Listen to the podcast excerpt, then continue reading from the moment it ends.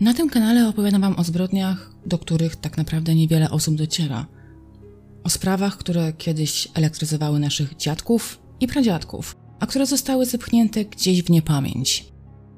Dość często zresztą podkreślam, że zależy mi tutaj na tym, by wyciągnąć na światło dzienne takie historie, które mają zdecydowanie mniejszą szansę na omówienie przez innych podcasterów, które, no powiedzmy sobie szczerze, nie miały tego szczęścia, by rozbrzmiewać po latach jak słynna sprawa Rity Gorgonowej. A przecież każda zbrodnia to dramat, który odcisnął swoje piętno i zniszczył życie wielu ludziom i rodzinom. Ostatnio jednak coraz częściej piszecie do mnie w wiadomościach prywatnych, czy nie chciałabym się zająć sprawami, które zyskały większy rozgłos. I oczywiście pomijam tutaj Ritę Gorgonową, którą wspomniałam wcześniej, bo to o nią najczęściej prosicie i tak uspokajam, kiedyś będzie, ale potrzebuję na nią trochę więcej czasu. Co mnie również ogromnie dziwi, to obok Rity Gorgonowej najczęściej prosicie mnie o opracowanie zbrodni połanieckiej i zbrodni miłoszyckiej. Zawsze byłam przekonana, że te historie są już wielokrotnie opowiedziane, są przecież tak nagłośnione, że nie ma już nic, co ja mogę powiedzieć w tym temacie. Ale niedawno ukazał się reportaż Ewy Wilczyńskiej dotyczący właśnie sprawy Małgosi i tego, w jak brutalny i niesprawiedliwy sposób odebrano jej życie ponad 25 lat temu. To, że książkę połknęłam niemal na jeden raz, to jedno – ale też ogromnie zainspirowała mnie ona do tego, by pokazać Wam sprawę Małgosi od nieco innej, takiej bardziej ludzkiej strony. Bo Małgosia była czymś dzieckiem, czyjąś przyjaciółką, czyjąś sympatią, kimś, kto odgrywał naprawdę ważną rolę w życiu bliskich jej osób. I tak nagle i niespodziewanie zniknął, pozostawiając po sobie otwartą ranę. Postanowiłam więc, opierając się m.in. na reportażu Dziewczyna w czarnej sukience, uzupełniając tą lekturę o wielogodzinne przesłuchania świadków, opowiedzieć Wam tę historię z nieco innej perspektywy. Pokazać Wam, kim była Małgosia, jakie miała plany na życie i jak jej śmierć wpłynęła na otoczenie. W swoim materiale nie będę ferować wyroków, ale chciałabym Wam pokazać, jak ta sprawa wygląda oczami każdej uwikłanej w nią osoby. A przynajmniej tych najbardziej charakterystycznych osób, bo o wszystkich się niestety powiedzieć nie da. Tak, żebyście mogli spojrzeć na tę sprawę nie tyle w kwestii prawnej, w kwestii śledczej, ale właśnie oczami wszystkich świadków, podejrzanych i znajomych dziewczyny, która zakończyła swoje życie, kiedy dopiero wkraczała w dorosłość. I jedyne czego chciała, to spędzać czas, jak i rówieśnicy. Ze względu na fakt, iż jest to sprawa, tak jak wspomniałam wcześniej, dość popularna, została już opracowana przez innych podcasterów, to postanowiłam opowiedzieć Wam ją w formie takiego odcinka bonusowego. Jednocześnie też od razu zaznaczam, że chociaż tych podcastów było może nie jakoś wyjątkowo dużo, ale kilka tam się pojawiło, to ja postanowiłam, że intencjonalnie nie odsłucham żadnego z tych podcastów. Wiem, że taki reportaż, taki podcast pojawił się m.in. na kanale Polska na Faktach i znając tutaj rzetelność autorki, to na pewno został on bardzo profesjonalnie opracowany. Ale nie chciałam się zagłębiać w jej interpretację tej sprawy, bo wiem, że bym się tym zainspirowała.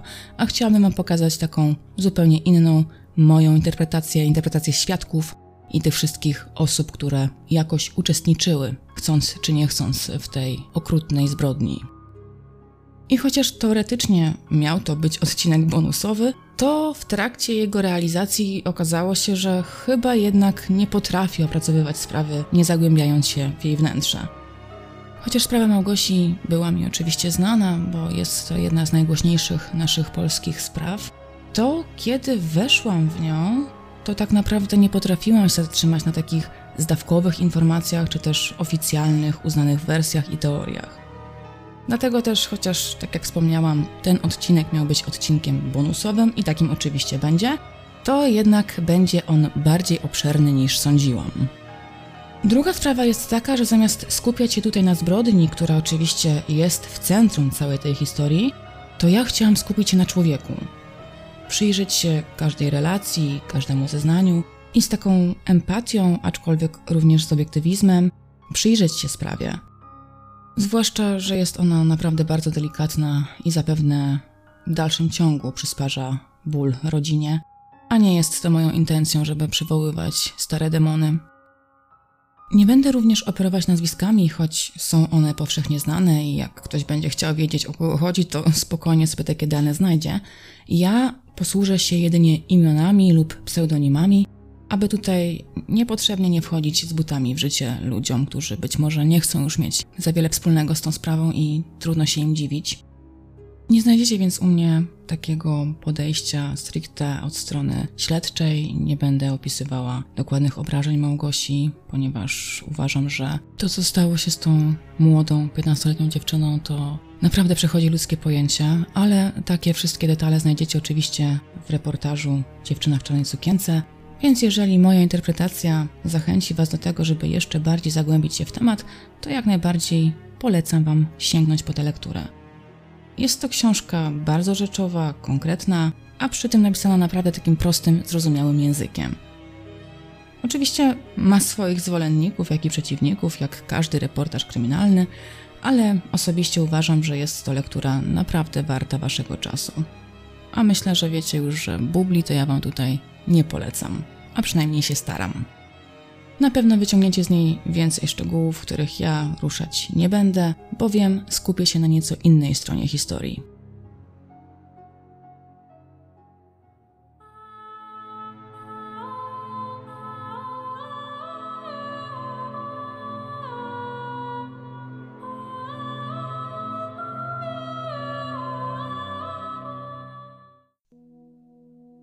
Śnieg skrzypiący pod nogami. Ten charakterystyczny dźwięk dzwoni mi w głowie nieustannie. Jeszcze długo kojarzyć mi się będzie z materiałem nakręconym 1 stycznia 1997 roku w miejscu odnalezienia ciała 15-letniej Małgosi. Drewniane, niesymetryczne płoty, tak bardzo charakterystyczne dla domów, które stały w małych miejscowościach w latach 90. Kilku ludzi stojących gdzieś w oddali, ubranych w ciemne kurtki zimowe. Zaparkowany polonez, czyli również znak tamtych czasów, oraz szczekający w oddali pies. Kamerzysta skrupulatnie, kawałek po kawałku, uwiecznia na taśmie filmowej miejsce zbrodni. Ktoś każe zrobić mu zbliżenie na odnalezione na miejscu guziki. Choć materiał zdecydowanie nie jest najlepszej jakości, bowiem tamte lata niestety nie pozwalały, by dokumentować wszystko tak szczegółowo jak obecnie. Technologia stała na zupełnie innym poziomie. To jednak te obrazy naprawdę długo zostaną w mojej głowie. Oto właśnie tutaj, kilka godzin wcześniej, zginęła pełna życia nastolatka. Małgosia była zwykłą dziewczyną, tak jak wszystkie inne w jej wieku. A może właśnie niezwyczajną, bo chociaż lubiła się bawić, to nie sprawiała większych problemów wychowawczych. Niedawno dostała się do szkoły handlowej, w której rozpoczęła naukę i miała tam jak najlepszą opinię. Była wzorową uczennicą o nienagannym zachowaniu. Rodzicom również nie sprawiała problemów wychowawczych, chociaż ostatnio jej ojciec i matka zaczęli trochę niepokoić się nocnymi wyjściami Małgosi. I nie chodzi tutaj o to, że nastolatka wymykała się z domu, bo to nie było w jej stylu, ale dziewczyna, po prostu wchodząc w ten swój taki wiek nastoletni, ten wiek nieco buntowniczy, zaczęła coraz chętniej uczęszczać na przeróżne zabawy taneczne, ale z tego co wiadomo, to zawsze wychodziła za przyzwoleniem rodziców. Ci na te wyjścia zgadzali się niechętnie, ale tak bardzo kochali córkę, że zazwyczaj ulegali jej prośbom. Zresztą, jak sami po latach o tym opowiadali, to raczej trudno utrzymać nastolatkę w domu. Małgosia zwykle na te dyskoteki chodziła ze swoją najlepszą przyjaciółką Iwoną oraz chłopakiem Iwony. Z tego co się zorientowałam, to wybranek Iwony miał być już pełnoletni, miał chyba około 18 lat, bowiem zdarzało się, że to właśnie on kupował dziewczynom alkohol. Małgosia nie miała jakiejś stałej sympatii, chociaż jak to każdej nastolatce, zdarzało jej się wykazywać zainteresowanie płcią przeciwną. Ale ciężko było odgadnąć, kim Małgosia była zainteresowana, bowiem dziewczyna była dość skryta, i z tych swoich miłostek i zainteresowań raczej nie zwierzała się nikomu z najbliższego otoczenia. Nawet Iwona miała problem, by wskazać chłopaka, który przykuł oko jej przyjaciółki. Wiedziała co prawda, że pod koniec listopada w okolicy Andrzejek Małgosia podkochiwała się w Henku, z którym przelotnie widowała się w pociągu do Wrocławia. Na imprezie Andrzejkowej nawet ze sobą tańczyli i ten kontakt się lekko tam zacieśniał. Ale między innymi właśnie przez to zacieśnianie relacji Małgosia troszkę sobie w domu nagrabiła. Dlaczego? Ano dlatego, że z tej wspomnianej imprezy Andrzejkowej dość mocno spóźniłaś do domu. Przyszła chyba około godziny trzeciej nad ranem. Wiedziała, że jej rodzicom się to nie spodoba, ale ponieważ udało jej się nawiązać bliższą znajomość z Henkiem, to chciała chwycić byka za rogi i nie stracić swojej szansy. Czy ta relacja z Henkiem później dalej się rozwijała, to tutaj nie wiadomo. Wiadomo, że Małgosia niestety za te swoje spóźnienie dostała szlaban, ponieważ jej mama rwała sobie włosy z głowy i odchodziła od zmysłów, kiedy czekała na swoją córkę. Nawet już miała gdzieś w głowie, że chyba będzie musiała powiadomić policję. Na szczęście Małgosia wróciła. Czy Heniek docenił takie poświęcenie Małgosi? To, tak jak wspomniałam, nie wiadomo, ale wszystko wskazywało na to, że nawet jeżeli nie Heniek, to jakiś chłopak w jej życiu musiał się pojawić. Przed Mikołajkami bowiem Małgosia zakupiła męski dezodorant.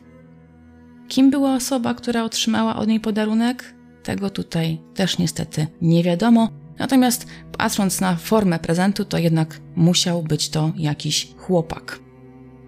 A to znaczyło, że Małgosia musiała mieć jakąś sympatię. Być może, tutaj podkreślam słowo być może, prezent miał być dla Daniela, czyli chłopaka, z którym w grudniu zaczęła się spotykać Małgosia. Nawet podobno to było coś więcej, ponieważ tutaj doszło do formalnego związku, oczywiście takiego związku, jak to y, wygląda wszystko na etapie nastoletnim, w tym wieku nastoletnim. I ich relacja nie trwała zresztą zbyt długo. O tym, że nie była ona dość poważna, niech świadczy tutaj fakt, że ten związek zakończył się już po tygodniu. Prawdopodobnie dziewczynie przeszkadzało tutaj zamiłowanie Daniela do alkoholu, a przynajmniej tak twierdził sam chłopak, kiedy wyrażał swoją opinię na temat jego związku z Małgosią. Dodatkowo Daniel miał usłyszeć od dziewczyny, że bardziej podoba jej się Heniek. Ich rozstanie, chociaż no, było dość burzliwe, ponieważ para się dość mocno pokłóciła, to nie zakończyło się jakimś dramatem, bowiem Daniel i Małgosia doszli do porozumienia i zaczęli się nawet przyjaźnić ale Gosia tutaj miała jasno postawić granice i zakomunikowała Danielowi, że no niestety, ale chłopak nie ma co liczyć na kontynuację tego związku. Przejdźmy sobie teraz troszkę do rodziców Małgosi, bo tak jak Wam wspomniałam, to mieli oni dość spory żal do córki za jej ostatnie spóźnienie. Pod znakiem zapytania stała jej impreza sylwestrowa, którą najpierw dziewczyna miała spędzić podobno gdzieś w domu swojej przyjaciółki wraz ze znajomymi na takiej tak zwanej domówce, ale ostatecznie bardzo chciała wyjść na imprezę do klubu Alcatraz, do takiej wiejskiej dyskoteki w Miłoszycach. Początkowo sceptyczni rodzice ostatecznie zgodzili się, by dziewczyna wyszła na swoją pierwszą taką całonocną imprezę, chociaż nie podobało im się to, że Gosia wychodzi w towarzystwie Iwony. Dlaczego? Ano, podobno, e, zdaniem rodziców Małgosi, to Iwona miała na Gosię zły wpływ. Uważali, że Gosia chodzi po tych wszystkich imprezach i dyskotekach właśnie ze względu na Iwonę, która to ją do takich miejsc wyciągała.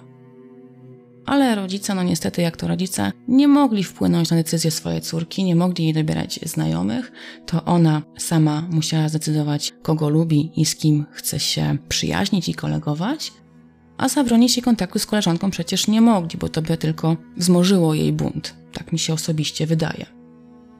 Ale ponieważ stosunek rodziców do Iwony był ich córce znany, zresztą był też znany samej Iwonie, to dziewczyny starały się ich nie prowokować. Iwona naprawdę rzadko odwiedzała Małgosię w jej domu, nie wchodziła raczej do jej mieszkania, a te wszystkie ich spotkania odbywały się najczęściej na mieście. Tak też zresztą było w dzień imprezy sylwestrowej, ale o tym za chwilę. Jeżeli wszyscy cofniemy się nieco w naszej pamięci i przypomnimy sobie te nasze lata nastoletnie, to na pewno nie zdziwi Was fakt, jak powiem Wam, że Gosia chciała naprawdę ładnie wyglądać. Było to jej pierwsze wyjście na całonocną imprezę, takie można powiedzieć pierwsze wejście w dorosłość. Mogła w końcu zakosztować nieco wolności. Dlatego też przed wyjściem pociągnęła usta ciemną szminką, a paznokcie pomalowała na fioletowo.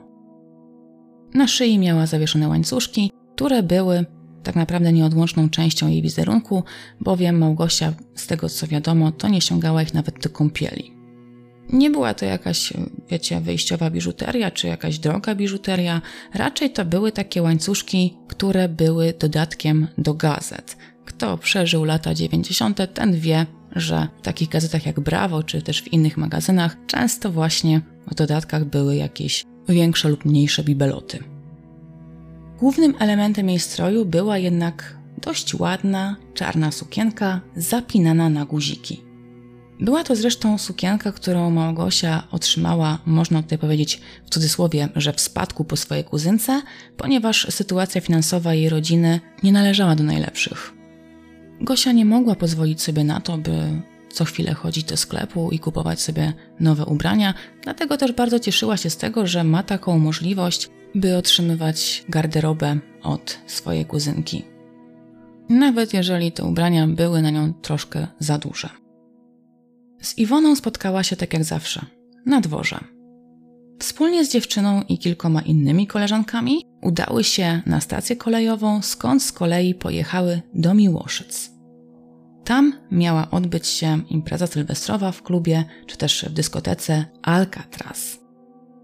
Dziewczyny przyjechały podobno przed czasem, musiały jeszcze poczekać na otwarcie klubu, a kiedy w końcu weszły do środka, by rozpocząć zabawę, to kupiły w barze po jednym piwie. Czy one same, czy też ktoś im kupił, to tutaj niestety nie jest wiadome, natomiast na pewno był tam alkohol. Nie w jakiej szalonej ilości, ale dziewczyny chciały mimo wszystko przywitać nowy rok, popijając napoje alkoholowe. Zabawa się rozpoczęła. Iwona wraca z imprezy bez Gosi. Kątem oka widziała, jak jej koleżanka tańczy z nowo poznanym chłopakiem. Później straciła ją z oczu. Nie było jej w pobliżu, kiedy zamykano lokal, ale jej kurtka nadal wisiała na wieszaku. Iwona postanowiła zabrać ją ze sobą. Oddają Gosi tak przy okazji. Być może Małgosia po prostu zostawiła ją przez roztargnienie. A nawet jeżeli po jakimś czasie wróciłaby do Alcatraz, to jeżeli lokal będzie już zamknięty, to niestety dziewczyna nie wejdzie do środka i nie odzyska swojego odzienia wierzchniego, swojej kurtki, więc lepiej zabrać ją ze sobą. Kto wie, może Iwona spotka go się na stacji kolejowej? Ale tam również nie ma śladu Małgosi. Może dziewczyna źle się poczuła i postanowiła wrócić do domu wcześniej? Tylko dlaczego zostawiła tę felerną kurtkę? Na dworze było przecież minus 20 stopni. Ale Iwona nie zastanawia się nad tym zbyt długo, wraca do domu, rozbiera się, obok swojej kurtki wiesza kurtkę Gosi i zmęczona całonocną zabawą kładzie się spać.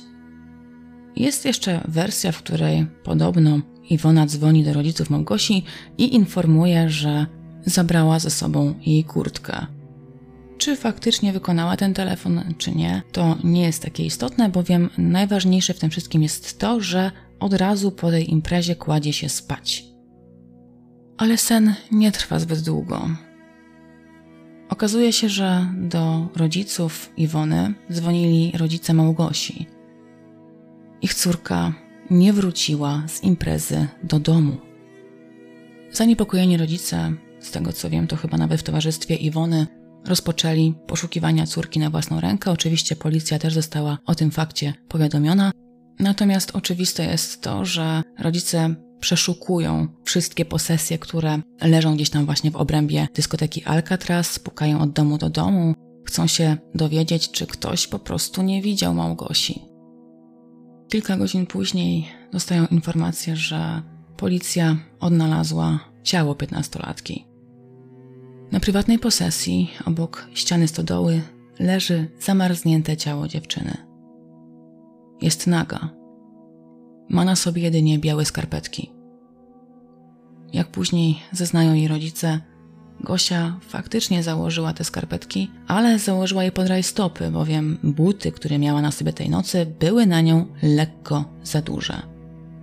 Skarpetki miały zapobiec ich spadnięciu, ale też właśnie, żeby nie psuły efektu wizualnego, to dziewczyna schowała je pod rajstopy, tak żeby przypadkiem gdzieś nie wystawały jej z butów. Ślady na śniegu sugerują, że dziewczyna najpierw musiała leżeć za stodołą, w miejscu, które jest niewidoczne z głównej drogi. Od tego miejsca ciągnął się bowiem ciemny pas prowadzący do ściany sąsiadującej, można powiedzieć, że prostopadłej. Dziewczyna albo przeczołgała się do tego miejsca resztką sił, albo też ktoś przeciągnął jej ciało, ostatecznie porzucając. Nieopodal leży czarna sukienka. Nigdzie nie ma butów dziewczyny i tak naprawdę nigdy tych butów później nie odnaleziono. Zabezpieczono zabrudzoną bieliznę, rajstopy, czarną koronkową chusteczkę oraz czarną czapkę. Na ciele stwierdzono liczne otarcia na skórka, ślady po ugryzieniach oraz liczne krwotoki z narządów rodnych. Za główną przyczynę zgonu uznano zamarznięcie, ale nie wykluczano, że mogło się do niego przyczynić również te obfite krwawienie z dróg rodnych. Dziewczyna bowiem padła ofiarą brutalnego gwałtu i tutaj, wybaczcie, nie będę wchodziła w szczegóły, bowiem w moim odczuciu jest to naprawdę straszne, co przytrafiło się tej biednej młodej dziewczynie. Oczywiście możecie sami zapoznać się ze sprawą, z detalami w reportażu Ewy Wilczyńskiej albo nawet w Google, ale wierzcie mi, że jest to naprawdę makabryczne. Jako matka dwóch dziewczynek absolutnie nie wyobrażam sobie cierpienia jej rodziców, dlatego też nie chciałabym tutaj rozdrapywać tej rany i opisywać ze szczegółami gehenny Małgosi.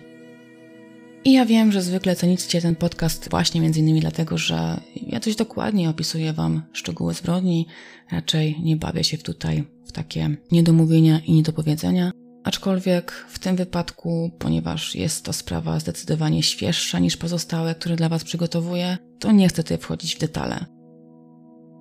Biegli stwierdzili, że obrażenia były tak koszmarne i tak rozległe, że najprawdopodobniej sprawców musiało być co najmniej dwóch, ale niewykluczone, że było ich jeszcze więcej.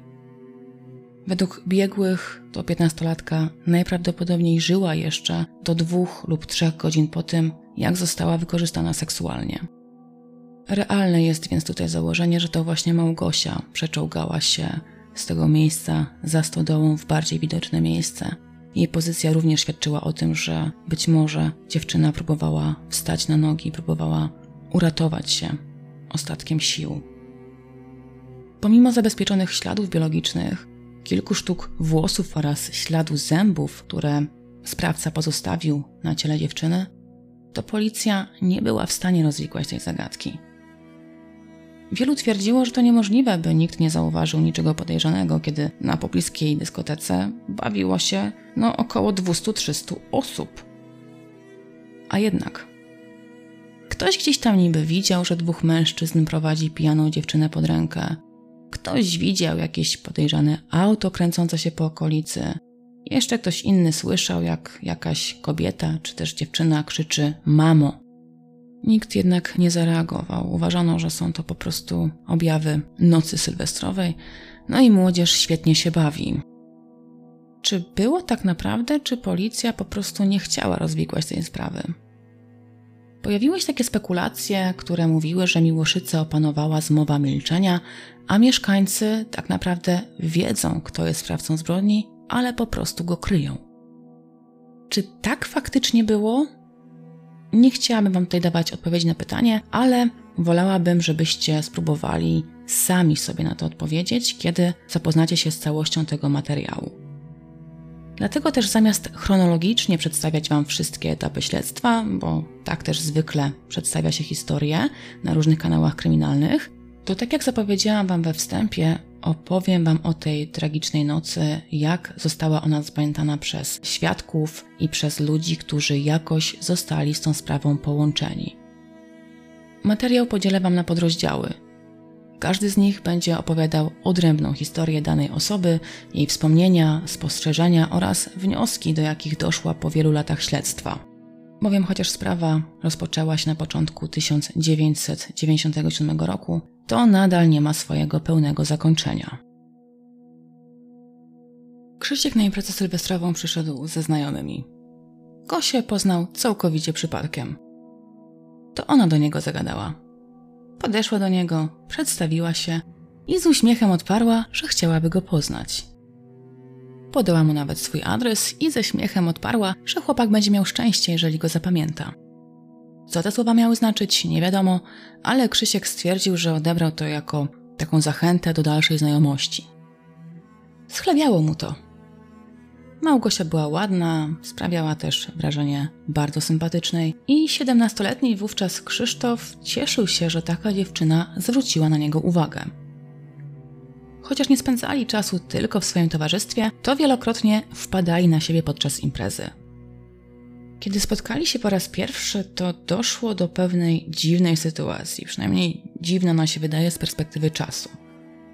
Wydawało się bowiem, że Gosia świetnie się bawi i tryska naprawdę doskonałym humorem. W pewnym momencie coś się jednak zmieniło i to dosłownie w kilka sekund. Dziewczyna zaczęła mówić bełkotliwie, twierdziła, że się źle czuje, ewidentnie było widać, że coś jest nie tak.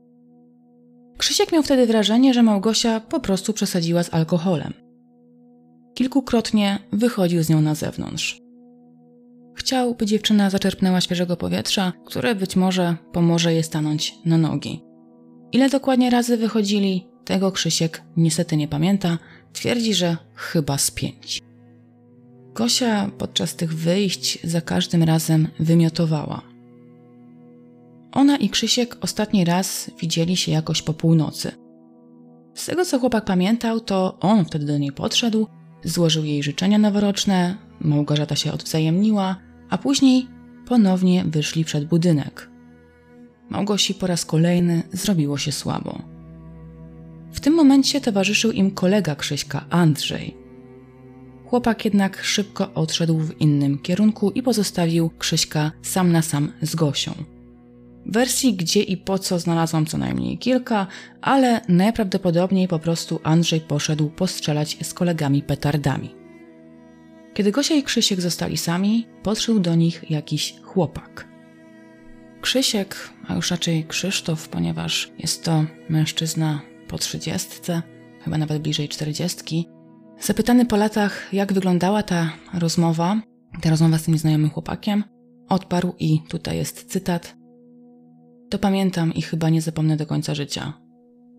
Ej, Gośka, aleś się napiła. Co ty, nie poznajesz mnie? To ja, Irek, twój brat. W tym momencie kilka metrów dalej stał pewien chłopak w okularach i zaczął się śmiać, słysząc słowa Irka skierowane do Małgosi. Nie wiedzieć dlaczego, ale Krzysiek miał wrażenie, że jest to jakiś kolega wspomnianego Irka, czyli tego brata Małgosi. Irek chwycił Małgosię pod pachę i zaczął gdzieś prowadzić. Z drugiej strony dziewczynę podpierał Krzysiek, w tym momencie prawdopodobnie Irek palił papierosa, chociaż Krzysiek tego nie pamiętał, nie zauważył tego, żeby w jego ręce mm, był właśnie odpalony papieros, ale jeden z chłopaków, świadków tej sytuacji, miał wtedy krzyknąć do Irka coś w stylu uważaj, bo jej włosy spalisz. Po chwili Irek stwierdził, że zabierze Gośkę do ciotki. Tam dziewczyna dojdzie do siebie. Krzysiek nie oponował, mało co znał Gosię, nie wiedział za wiele na jej temat i po prostu wrócił na salę. Kiedy Iwona zapytała, gdzie jest Gośka, powiedział, że poszła z bratem. Ale Iwona w żaden sposób nie zareagowała. Czy faktycznie była to Iwona, to tutaj nie ma jednak takiej pewności, bo Krzysiek nie pamięta, z kim wtedy rozmawiał. Na pewno była to jakaś bliska koleżanka Małgosi.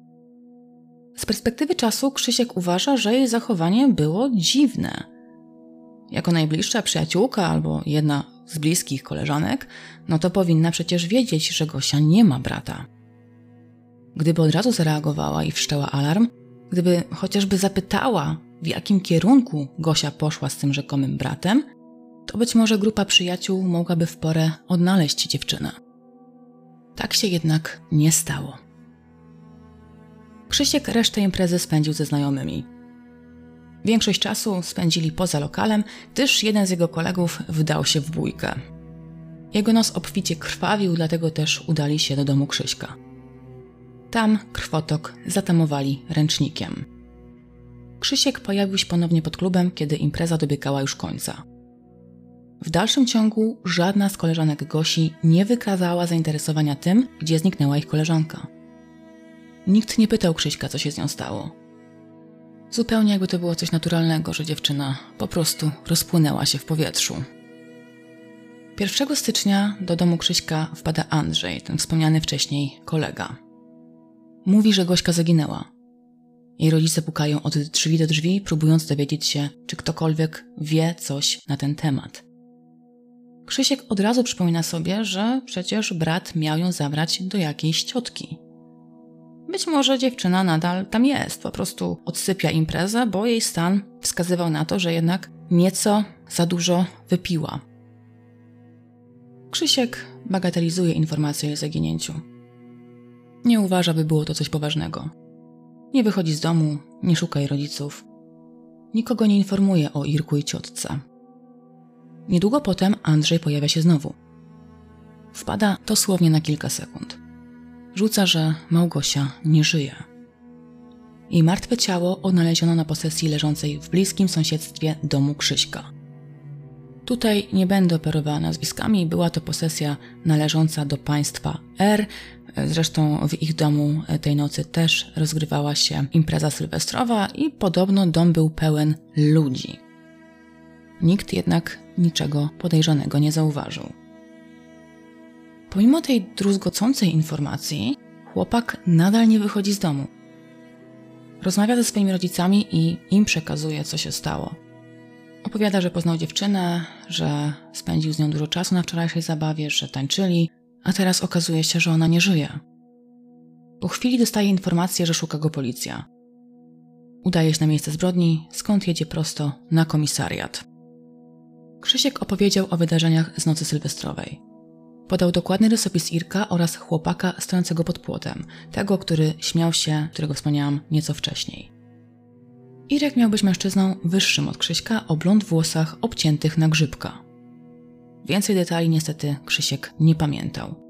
Bardziej w pamięci utkwił mu chłopak przy płocie, ten miał być niewysoki, mieć dłuższe włosy, obcięte zresztą w dość taki charakterystyczny sposób, bowiem z przodu kosmyki sięgały ucha, a tylne włosy były takie zapuszczone, zdecydowanie dłuższe niż te z przodu. On również miał być ciemnym blondynem. Po przesłuchaniu Krzysiek zostaje wypuszczony do domu. Ale nie na długo. Już kolejnego dnia zostaje zabrany spod szkoły, zapakowany do policyjnego radiowozu i przewieziony na komisariat w celu złożenia zeznań uzupełniających. Przynajmniej taka jest wersja oficjalna. Bo kiedy Krzysiek wchodzi na komisariat, to nie spodziewa się, że czeka go tam koszmar. Widać, że pomimo upływu lat są to dla mężczyzny traumatyczne wspomnienia. Krzysztof, opowiadając o tych wydarzeniach, jest autentycznie poruszony. Płacze, trzęsie się, nie może skleić zdania. Tak zresztą mówi o tym podczas przesłuchania, późniejszego przesłuchania. Ja nie byłem świadkiem, ja byłem mordercą. Tak mnie traktowali. Później dodaje również.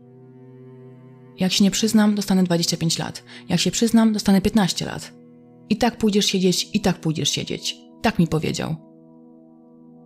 Głównym agresorem miał być funkcjonariusz P. Według Krzyśka to ten funkcjonariusz bił go w tył głowy i wmawiał mu, że to właśnie on zgwałcił Małgorzatę. Dlatego w końcu Krzysiek pęka. Wielokrotnie uderzany, poniżany, wyzywany, przyznaje się do winy. Wraz z Gosią, po uzyskaniu zgody na stosunek seksualny, udał się na posesję, na której później odnaleziono ciało nastolatki. W trakcie jednak dziewczyna zmieniła zdanie i zaczęła się wyrywać stąd obrażenia na jej ciele. W trakcie stosunku płakała i wołała mamę. Po zakończonym akcie seksualnym Krzysiek przeniósł Gosię w inne miejsce, obok stodoły. Kiedy zostaje wyprowadzony z pokoju przesłuchań, a funkcjonariusza P, tego głównego agresora, nie ma już w pobliżu, cofa swoje zeznania. Twierdzi, że czuł się zastraszony. Tylko zeznania złożone podczas pierwszego przesłuchania są prawdziwe. Ale niestety, zanim opuścił pokój przesłuchań, to swoje zeznania podpisał. Policja ma podkładkę i argument, by podejrzewać chłopaka. Rodzice Krzyśka, widząc w jakim stanie fizycznym jest ich syn, składają skargę na policjantów. Ale prokuratura na zażalenia reaguje śmiechem. Policjant był zdenerwowany, no to bił. Koniec tematu. Ale jedną walkę tutaj wygrali. Przeprowadzone badania wykazały, że krew odnaleziona na ręczniku w domu rodziców Krzysztofa rzeczywiście należy do jego kolegi.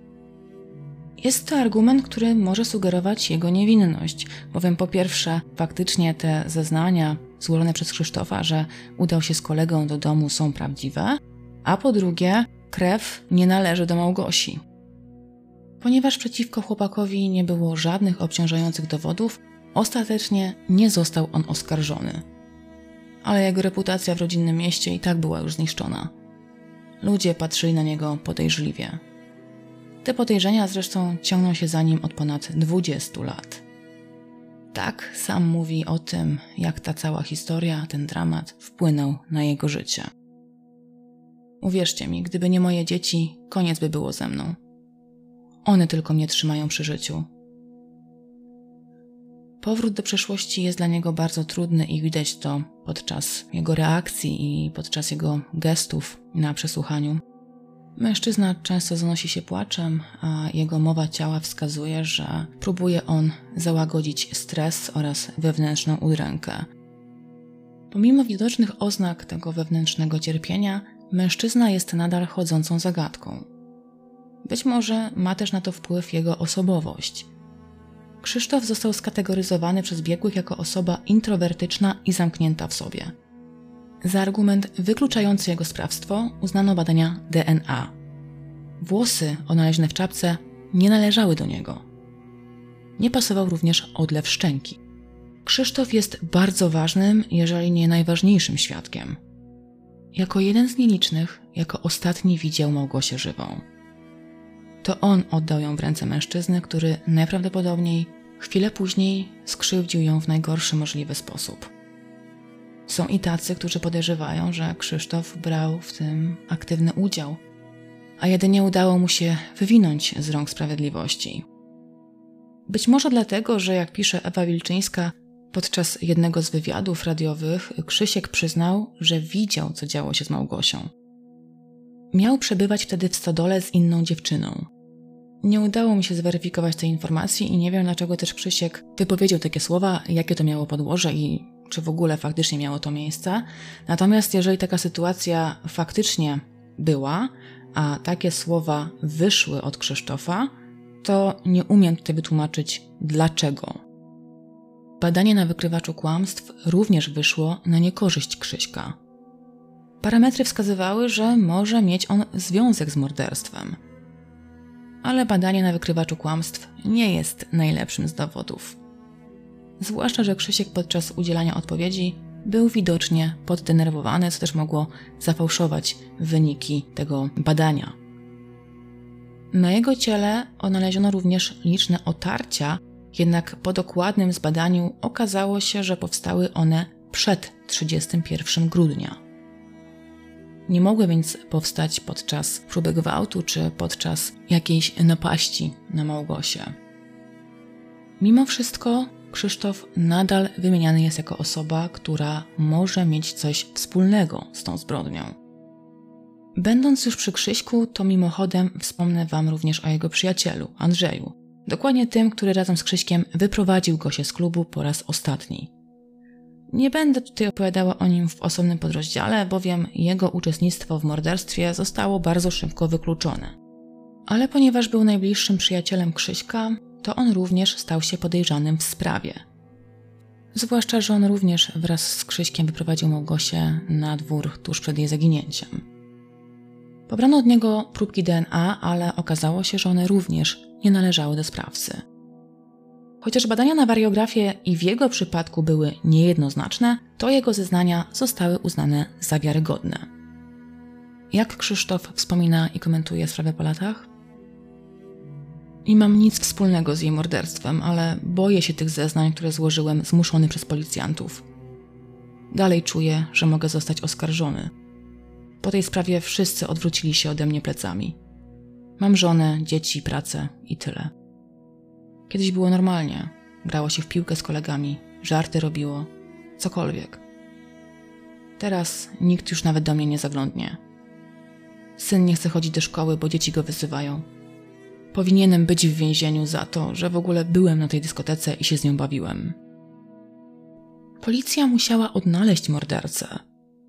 Jeżeli nie był to Krzysiek, a jego zeznania uznać za prawdziwe, to najpewniej głównym sprawcą mógł być rzeczony Irek. Niewykluczone, że nie był on jedynym sprawcą. Świadkowie widzieli, jak Małgosia, prawdopodobnie zresztą Małgosia, bo nikt nie był pewny, że to ona, ale wszystko na to wskazuje, jest prowadzona przez dwóch mężczyzn. Dodatkowo stawiała ona opór. Krzysztof również miał wrażenie, że z mężczyzną, który poddawał się za brata Gosi, był ktoś jeszcze.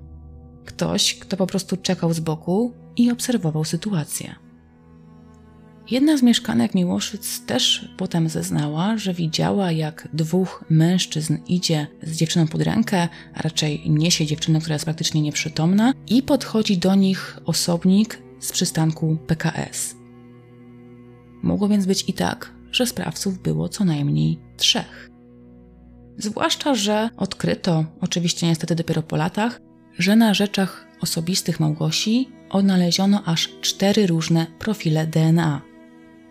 Na samym początku jednak bazowano głównie na tych włosach, które zostały odnalezione w męskiej czapce, w czarnej męskiej czapce wełnianej, która została odnaleziona przy ciele Małgosi, prawdopodobnie zgubionej lub porzuconej przez sprawcę. Wszystkie te włosy były w odcieniu ciemnego blondu, co również tutaj zgadzało się z rysopisem podanym przez Krzyśka. O tajemniczym blondynie wspominały również inne dziewczyny, które brały udział w zabawie sylwestrowej. Ten mężczyzna miał nachalnie się do nich zalecać i próbować nawiązać kontakt w trakcie tańca. Był z kolegą, również blondynem. Obaj mężczyźni pasowali do rysopisu podanego przez Krzysztofa, a co najbardziej w tym wszystkim ciekawe, on również przedstawiał się jako Irek. Tajemniczego Irka pamiętała również inna uczestniczka imprezy. Po północy wyszła przed lokal, żeby się przewietrzyć. Wypiła zaledwie pół piwa, po którym nagle źle się poczuła. Wtedy podszedł do niej jakiś nieznajomy chłopak, chwycił ją pod pachy i zaczął gdzieś prowadzić. Dziewczyna odparła, że jest jej niedobrze. Nie wiadomo tutaj, czy nieznajomy brzydził się jej wymiotów, ale ostatecznie puścił dziewczynę i odszedł w nieznanym kierunku. Chociaż się nie przedstawił, to świadek zapamiętała jego fryzurę blondyn obcięty na grzybka. Według ustaleń trzeba więc było szukać osobnika dość młodego, około 20-25 lat, blondyna obciętego na grzybka o imieniu Ireneusz. Pierwszym odnalezionym Irkiem był zatrudniony w klubie Alcatraz DJ. Był to mieszkaniec Miłoszyc. Cały wieczór spędził w klubie. Nie wychodził na zewnątrz. Albo grał, albo siedział z bratem i żoną. Wykluczono, aby mógł niezauważenie opuścić lokal. Dlatego też, pomimo zbieżności imion, szybko wykluczono go z kręgu podejrzanych. Ale to nie oznaczało, że nie miał nic sensownego do powiedzenia w tej sprawie. Bo chociaż, co prawda, jak przyznał, to nie pamiętał dziewczyny w czarnej sukience, to około pierwszej w nocy podszedł do niego jakiś blondyn obcięty na grzybka i bez wyraźnego motywu uderzył go w twarz. DJ zgłosił niepokojące wydarzenie ochronie, ale chociaż usilnie próbowali znaleźć agresora wraz z tym ochroniarzem, to wydawało się, że jego nie ma już na zabawie, nie ma już na imprezie. Czy to mógł być ten sam Irek, o którym wspominali pozostali świadkowie? Chociaż podejrzenia co do osoby Tomasza Komendy pojawiły się najpóźniej, to aby zachować tutaj w miarę klarowny ciąg wydarzeń, przywołam go jako jednego z pierwszych. Myślę, że jego historii nie trzeba opowiadać w szczegółach, bowiem jest Wam ona dokładnie znana, a przynajmniej powinna być znana, ponieważ jest to chyba najbardziej głośna sprawa ostatnich lat uniewinnienie Tomasza Komendy. Myślę, że ten temat każdemu, chociaż w jakichś szczątkowych informacjach obił się o uszy. No chyba, że ktoś mieszkał w jaskini. Tomek został aresztowany, ponieważ sąsiadka jego babci, Dorota, złożyła doniesienie, a właściwie to nie tyle doniesienie, co po prostu podejrzenie, że to właśnie on może być sprawcą morderstwa w Miłoszycach. Ta myśl wpadła jej do głowy, kiedy w magazynie 997 zobaczyła portret pamięciowy poszukiwanego mordercy. Problem w tym, że według oficjalnych informacji w tym czasie materiał 997 nie zamieszczał wizerunku podejrzanego o zbrodnię w Miłoszycach. Ale kto by się w to zagłębiał? Kobieta podaje sprawcę na tacy, no to trzeba skorzystać, prawda? Swoimi podejrzeniami Dorota miała podzielić się ze znajomym policjantem. Postać sąsiadki budziła ogromne kontrowersje. Według plotek miała mieć ona wtyki w środowisku policyjnym. Pracowała bowiem jako masażystka, a wśród jej klientów miało znajdować się wielu wysoko postawionych policjantów. Jej profesja też do końca była tutaj niejasna.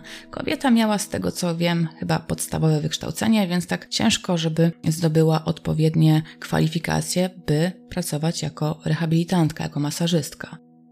Oficjalnie oczywiście tą masażystką była, ale nieoficjalnie mówiło się, że pani Dorota uprawia najstarszy zawód świata.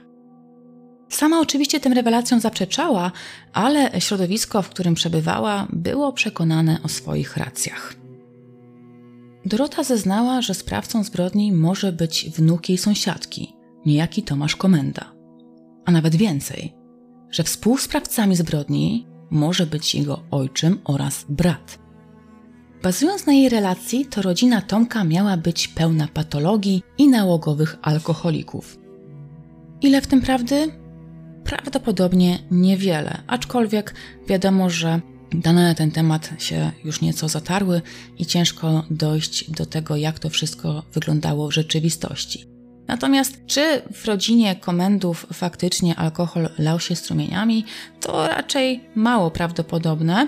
Na pewno sięgała ona po jakieś używki, znaczy używki, napoje wysokoprocentowe, ale czy odbiegała tym od jakiejś normy, to raczej wątpliwa sprawa. Zwłaszcza, że matka Tomka, Teresa, opiekowała się dzieckiem Doroty, kiedy ta pracowała, więc chyba gdyby tam występował alkohol i ta rodzina była nieodpowiedzialna, to kobieta raczej nie powierzyłaby im swojego dziecka w opiekę. Dorota niejednokrotnie Bobasa podrzucała z samego rana i odbierała dopiero o godzinie 22. Mówię tutaj Bobasa, bowiem kiedy mama Tomka podjęła się opieki nad dzieckiem, to ten chłopiec miał mieć zaledwie kilka miesięcy. Spekuluje się, że to właśnie konflikt pomiędzy Dorotą a mamą komendy był początkiem dramatu. Teresa zapowiedziała Dorocie, że zbliżają się jej imieniny i w tym dniu nie będzie mogła opiekować się chłopcem. Z tego co pamiętam, to miał chyba na imię Krystian. W jej mieszkaniu będzie wtedy lał się alkohol. To byłoby bardzo nieodpowiedzialne z jej strony, by w takiej sytuacji mieć pod opieką tak małe dziecko. Dorota miała się wściec Pomiędzy paniami doszło do dość sporej awantury, ale kto w tym wszystkim zerwał współpracę, do końca nie wiadomo. Teresa twierdzi, że to ona miała już dość zachowania Doroty i żadne pieniądze, które jej wypłacała, nie mogły jej tego wynagrodzić. Dorota, wręcz przeciwnie, uważa, że to właśnie ona podziękowała Teresie, bowiem stwierdziła, że jej rodzina jest nieodpowiedzialna. Jak to wszystko wyglądało w rzeczywistości? Mam swoje zdanie w tym temacie, ale żeby tutaj dać Wam taki obiektywny obraz, żebyście mogli sami sobie stwierdzić, e, co Wy o tej sprawie myślicie, to powstrzymam się od wygłoszenia swojej własnej opinii. W każdym razie Dorota miała złożyć zawiadomienie, chcąc zemścić się na rodzinie Teresy. Dlatego też to nie było tak, że Dorota stwierdziła, że tylko Tomek pasuje do tego rysopisu. Według niej Podobnie wyglądał również jego ojczym oraz jeden z braci. Policja, nie mając żadnych postępów w śledztwie, uważnie przyjrzała się zawiadomieniu złożonemu przez Dorotę. Zwłaszcza, że kobieta twierdziła, iż podczas rozmowy z Tomkiem chłopak miał jej wyznać zimą 1996 roku, że zamierza spędzić Sylwestra w Miłoszycach. Dodatkowo, podobno z jakąś sympatią. I jak to dokładnie z tą Dorotą było, też nie wiadomo, bo po latach kobieta miała twierdzić i tak tłumaczyć się, że jedyne co w tej sprawie zrobiła, to tak naprawdę luźno rzuciła i stwierdziła, że mężczyzną z rysopisu może być Tomek, bo jest po prostu trochę podobny. Ale to nie ona miała tym wszystkim kierować. To jej znajomy policjant miał ją zmusić do tego, żeby y, złożyła te zeznania obciążające komendę w takiej formie oficjalnych zeznań na policji.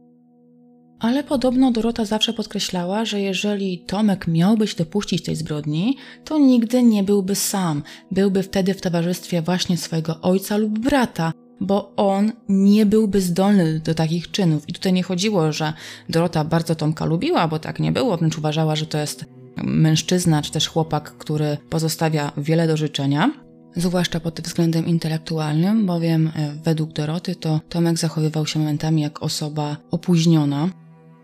Ale ponieważ pojawiło się takie zgłoszenie, to od Tomka, jego brata Gerarda oraz ojczyma Mirosława zostały pobrane próbki DNA oraz wycisk szczęki. Każdy z nich poddaje się temu badaniu dobrowolnie, bowiem, jak twierdzą, nie mają nic do ukrycia. Badanie DNA wyklucza, aby sprawcą mógł być Gerard lub Mirosław – ale istnieje zgodność markerów w przypadku Tomasza Komendy. Tomek zostaje więc zatrzymany. Względem Tomka zostaje zastosowana ta sama metoda przesłuchań, co wcześniej względem Krzyśka. Mężczyzna jest bity, zastraszany i zmuszany do przyznania się do winy. Śledczy obiecują mu, że jeżeli podpisze obciążające zeznania, to będzie mógł zobaczyć się z matką, a na tym Tomkowi bardzo zależy. Dlatego też podpisuje zeznania, co później okaże się bardzo brzemienne w skutkach. Nie pomaga tutaj nawet alibi na noc zbrodni. Tomek noc sylwestrową w roku 1996 spędził ze znajomymi we Wrocławiu. Według świadków, według jego kolegów, koleżanek, którzy również brali udział w tej imprezie, no to Tomek wypił może ze dwa piwa, a że zawsze miał dość słabą głowę, to położył się spać w pokoju obok. Nie było szans, żeby opuścił lokal niezauważony. To było naprawdę małe mieszkanie, które miało około 30 paru metrów kwadratowych. Gdyby Tomek miał wyjść, no to ktoś by to zauważył. Przecież na takim małym pomieszczeniu, na takim małym metrażu, kiedy bawi się tam około 12 osób, ktoś na pewno zauważyłby, że jeden z uczestników zabawy nagle po prostu sobie wychodzi.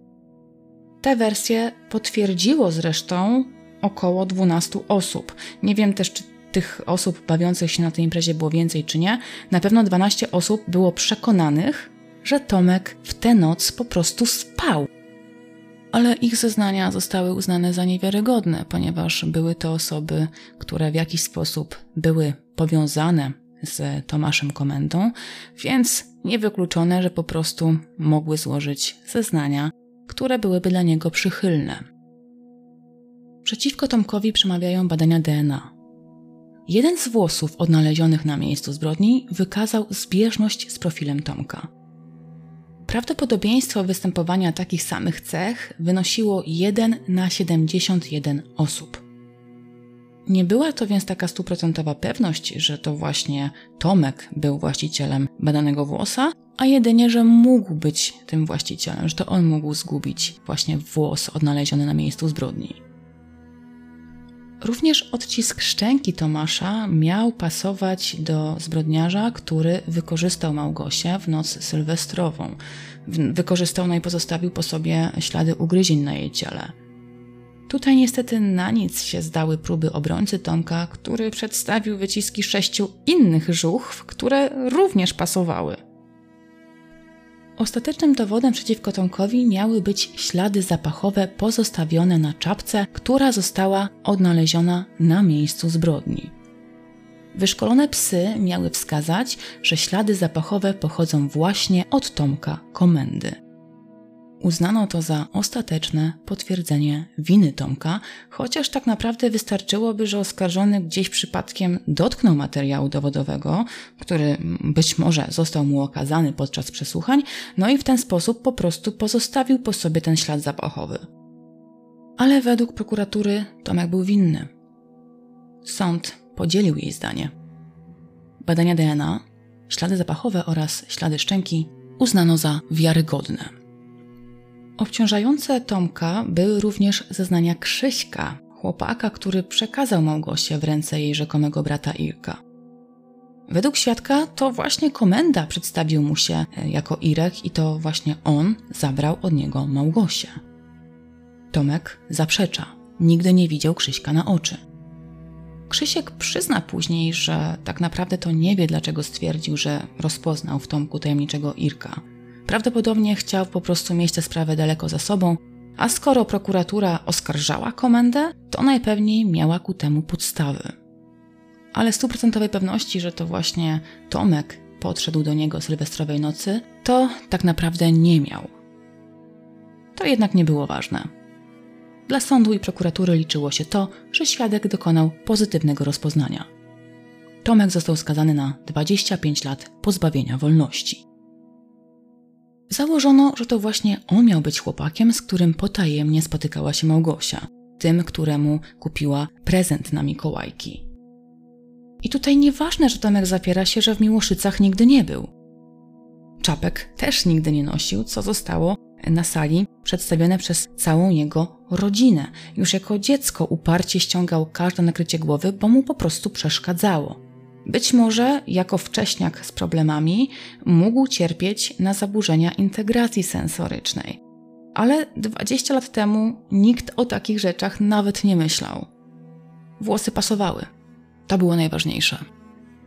Nikogo też nie obchodziło, że Tomek miał opinię chłopaka nieśmiałego, spokojnego i tak naprawdę bardzo rodzinnego. On większość czasu spędzał ze swoją rodziną, raczej nie pił alkoholu, nie chodził na zabawy, do dziewczyn też nie zagadywał jako pierwszy, bo po prostu się wstydził. Nawet jeżeli pił alkohol, to nie wykazywał po nim żadnej agresji. Wręcz tak jak powiedziałam Wam wcześniej, to dwa piwa sprawiały, że po prostu robił się ospały. Tak właśnie zwykle kończyły się zresztą jego ekscesy alkoholowe. Maksymalnie dwa piwa i Tomek szedł spać, tak jak to było również na tej imprezie sylwestrowej, o której mówili jego znajomi, tej, gdzie podobno miał być w Miłoszycach i zamordować Małgosię. Wódki to w ogóle miał nie tykać, a jak już, to naprawdę niewiele, bo no jeżeli dwa piwa kładły go na ziemię, to na jakieś mocniejsze alkohole miał po prostu za słabą głowę ale według sądu był winny zabójstwa Małgosi. Jak dalej potoczyła się sprawa Tomka Komendy, to zapewne wszyscy tutaj wiemy. Opowiem Wam o tym więc w takim skrócie, nie zagłębiając się w jakieś większe detale. Tomasz spędził w więzieniu 18 lat. Jako zbrodniarz seksualny, dodatkowo na tak młodej dziewczynie, bowiem Małgosia, przypominam, miała zaledwie 15 lat, został umieszczony na samym dole hierarchii więziennej. Przeszedł prawdziwe piekło. Upór jego matki i kilku dziennikarzy śledczych sprawił jednak, że ta sprawa nie została zapomniana. Po latach udało się obalić większość dowodów, które przed laty uznano za niepodważalne. Za niewiarygodne jako pierwsze uznano badania osmologiczne – Obecność zapachu Tomka na czapce można było naprawdę łatwo podważyć, zwłaszcza, że to badanie, jak potem odkryto, to odbyło się bez obecności biegłego, co już nie powinno być tutaj w ogóle brane pod uwagę jako dowód, ponieważ nie zostały zapewnione odpowiednie procedury podczas badania. Zakład Medycyny Sądowej Uniwersytetu Medycznego w Poznaniu z całą pewnością również wykluczył, żeby te ślady ugryzień zostały pozostawione na ciele Małgosi przez Tomasza Komendę. Drugi, według wcześniejszych ekspertyz niepodważalny dowód, uznano za niewiarygodny. Ponieważ upływ czasu sprawił, że technologia i badania DNA poszły do przodu, to można było tym razem te badania powtórzyć. I tym razem te badania DNA wykluczyły możliwość, że ślady biologiczne pozostawione na miejscu przez sprawcę pochodzą od Tomasza Komendy. Śledczym mogli mówić o dość sporym szczęściu, bo pomimo upływu lat, to na rzeczach zabezpieczonych na miejscu zbrodni udało się odnaleźć materiał do badań. Materiał prawdopodobnie pozostawiony przez sprawcę, bowiem, jak się okazało, to jedna z pobranych próbek pochodziła z nasienia sprawcy. I tym sprawcą z całą pewnością nie był Tomasz Komenda. Co ciekawe, mogę Wam tutaj wspomnieć, że tak naprawdę to te wszystkie dowody zostały zachowane tylko dzięki rodzicom Małgosi, ponieważ sukienka ich dziecka, ich brutalnie zamordowanego dziecka, miała zostać im zwrócona, jak stwierdziła policja, na pamiątkę. Natomiast ojciec Małgosi stanowczo wyraził sprzeciw, kazał trzymać sukienkę, kazał trzymać wszystkie jej rzeczy, bo być może kiedyś te dowody okażą się przydatne. I miał tutaj, jak widać, stuprocentową rację. Ostatecznie Tomasz Komenda zostaje wypuszczony z więzienia w 2018 roku. Po 18 latach w końcu usłyszał to, na co tak bardzo czekał. Uznano, że jest on niewinnym zbrodni popełnionej w Miłoszycach 1 stycznia 1997 roku. Ale jeżeli to nie Tomek zabił Małgosię, to kto? Postać Ireneusza M. pojawiła się już na samym początku śledztwa w sprawie zbrodni miłoszyckiej. Był to nikomu nieznany mężczyzna, który często, jak się okazało, zaglądał na posesję, na której później znaleziono ciało Małgosi. Dlaczego tak często wchodzi na posesję prywatną rodziny, z którą tak naprawdę nic go nie łączyło? Podobno trzymał tam schowane butelki z wódką i rower. Pozwolenia na przetrzymanie rzeczy udzielił mu Paweł, chłopak jednej z córek właścicieli posesji. Gilka nie znał. Spotkał go przypadkiem wracając ze sklepu. To właśnie od Pawła Irek miał dowiedzieć się, że w Miłoszycach odbywa się impreza sylwestrowa. Ale kim był Irek i skąd tak naprawdę wziął się w tych Miłoszycach? Irek był 21-letnim ślusarzem pochodzącym z Jelcza. Wraz z żoną i dwójką dzieci mieszkał w piekarach śląskich.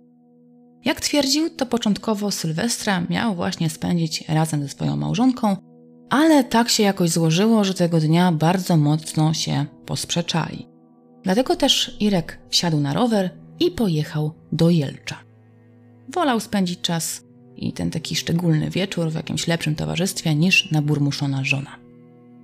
Chciał zabawić się w znanej sobie dyskotece, ale okazało się, że tej nocy lokal był zamknięty. Po drodze, całkowicie przypadkowo, spotkał swojego znajomego, Romana. Roman z kolei, będąc w towarzystwie Irka, spotkał Pawła, tego, o którym mówiłam wam przed chwilką.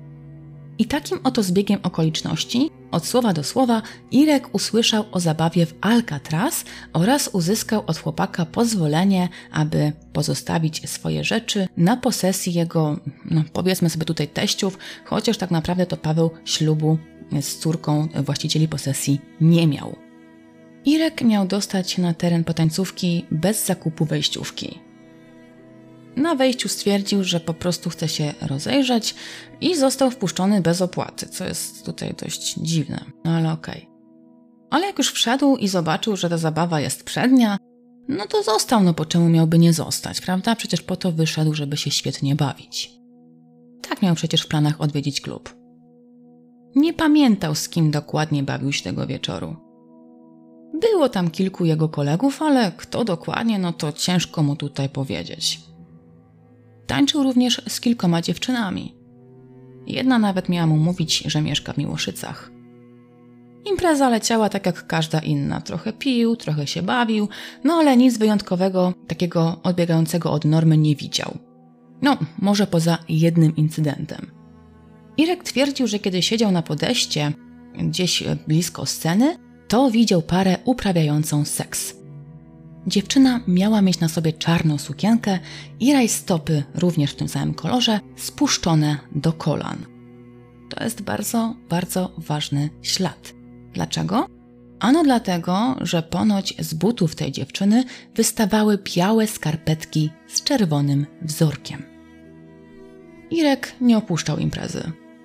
Wyszedł tuż przed jej zakończeniem i wsiadł na rower. W domu był około piątej.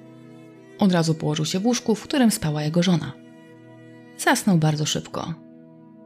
jego żona potwierdziła, że Irek wrócił właśnie mniej więcej o piątej nad ranem, bo akurat się przebudziła.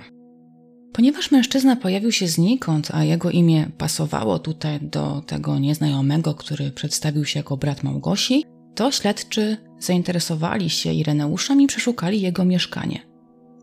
Ale nie znaleźli tam żadnych dowodów, które mogłyby go obciążyć. Pobrano od niego materiał DNA oraz wycisk szczęki. Badania wykluczyły jego udział w zbrodni.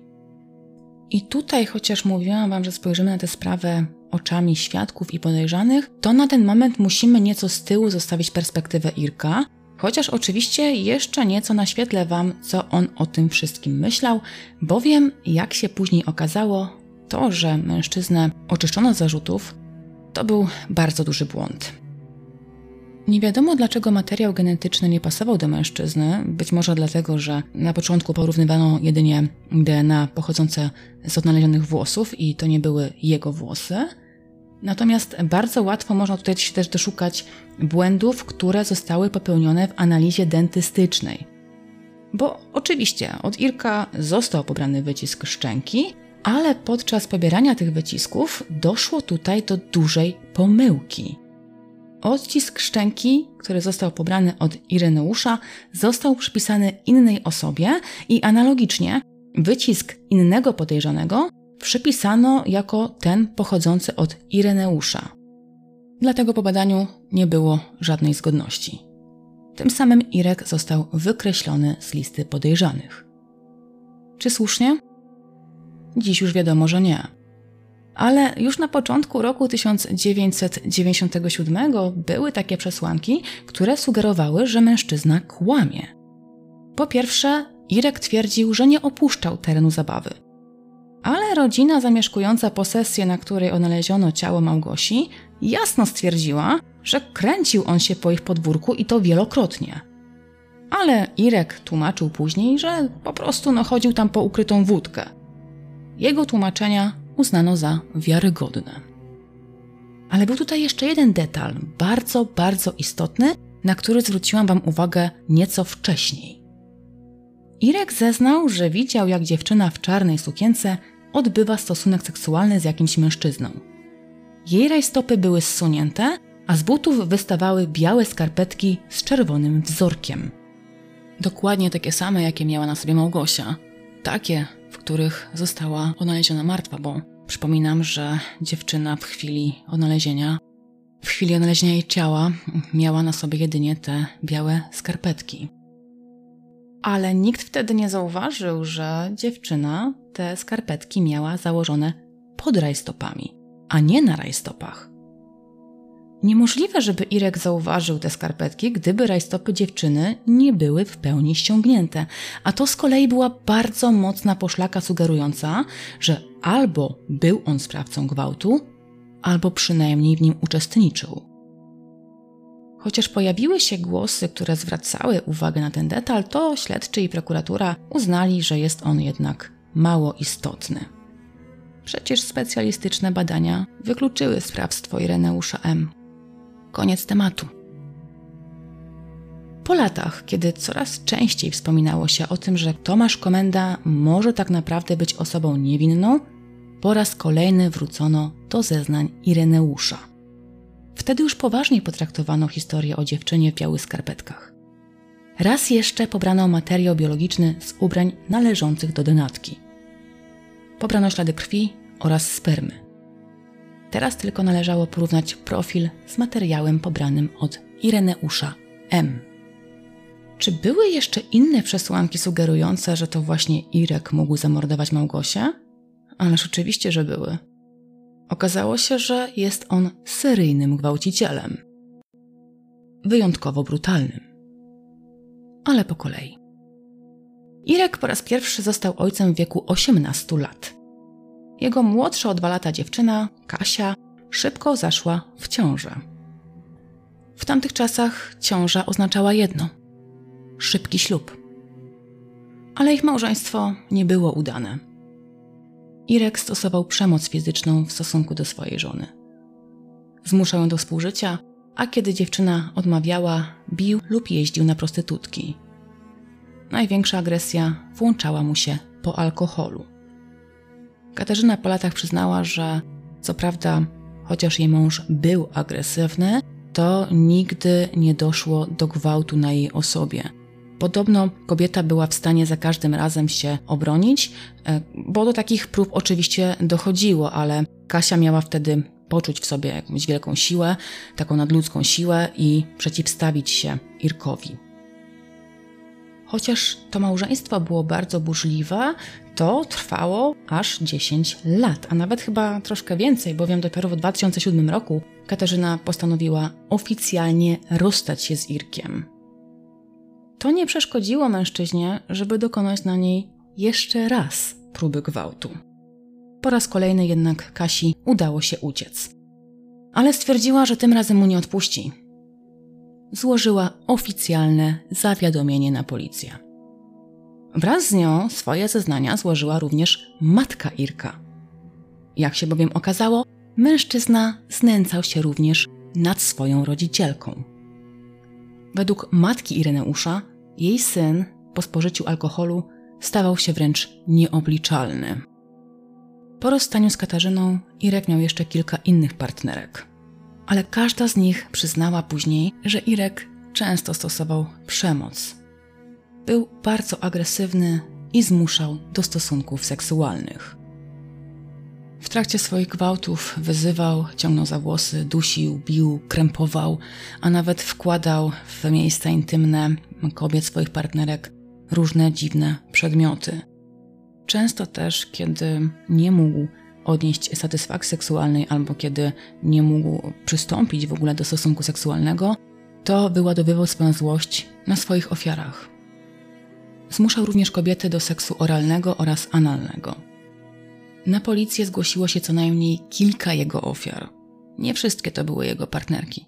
Część z nich to były po prostu znane mu kobiety, Łącznie mężczyzna usłyszał 20 zarzutów.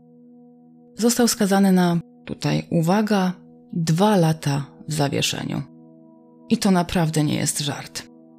Po kolejnych zbrodniach seksualnych Irek ponownie staje przed sądem, no bo oczywiste jest to, że znów się tych zbrodni dopuścił. Tym razem wymiar sprawiedliwości nie był już aż tak łaskawy. W 2010 roku Ireneusz M.